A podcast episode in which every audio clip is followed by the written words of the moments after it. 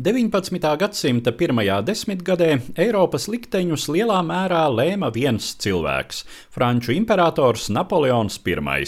Iepriekšējās desmitgadēs šis augumā mazais korsikānis bija uzvarējis vairākus karus un daudzas kaujas, bet tad nāca neveiksmīgais karagājiens uz Krieviju 1812. gadā, kur Napoleona militārais ģēnijs izrādījās bezspēcīgs pret šīs valsts plašumiem un skarbo klimatu.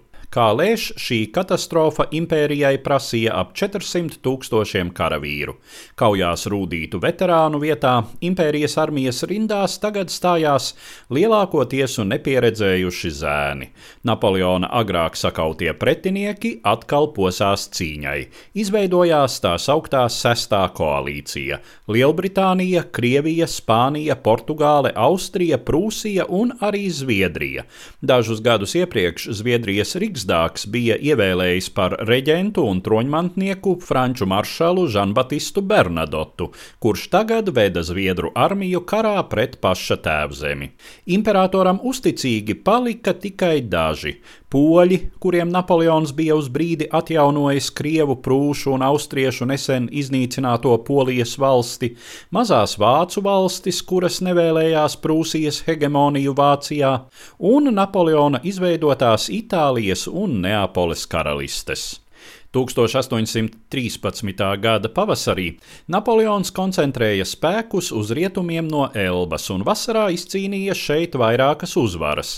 Tikām viņa pretinieki īstenoja kopīgi izstrādātu plānu un, vairīdamies no sadursmes ar pašu imperatoru, sakāva viņa maršalu komandētās armijas.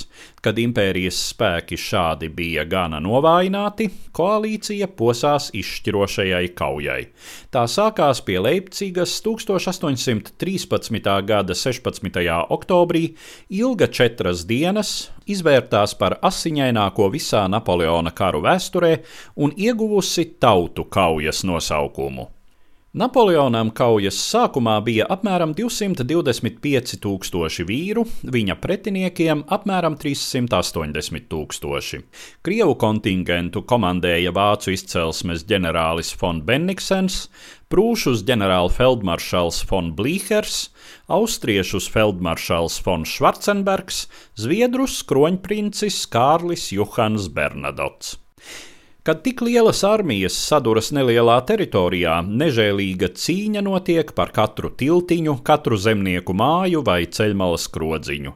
Imperatora kareivju cīņas gars joprojām bija augstā līmenī, bet arī Napoleona pretinieki bija aizvadītajos gados daudz mācījušies no savām sakāvēm.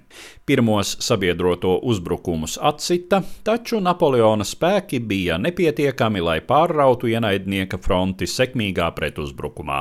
Pēc smagām kaujām pirmajā dienā, 2. 17. oktobrī cīņa pierima. Napoleonam pienāca palīgspēki, bet viņa pretiniekiem apmēram desmit reizes lielāki.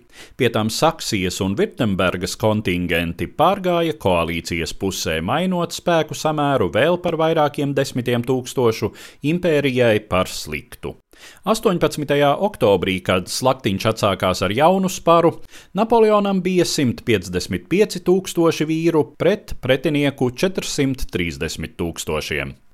Koalīcijai neizdevās kāds viens spožs manevrs, taču pārspēks spieda frančus atpakaļ, viņiem draudēja ielenkums, un naktī Napoleons pavēlēja sākt atkāpšanos.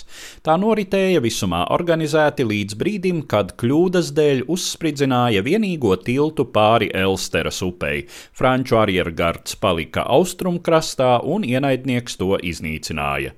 Tautu kaujā kritušo skaits nav precīzi nosakāms, bet tie noteikti ir vairāki desmiti tūkstošu.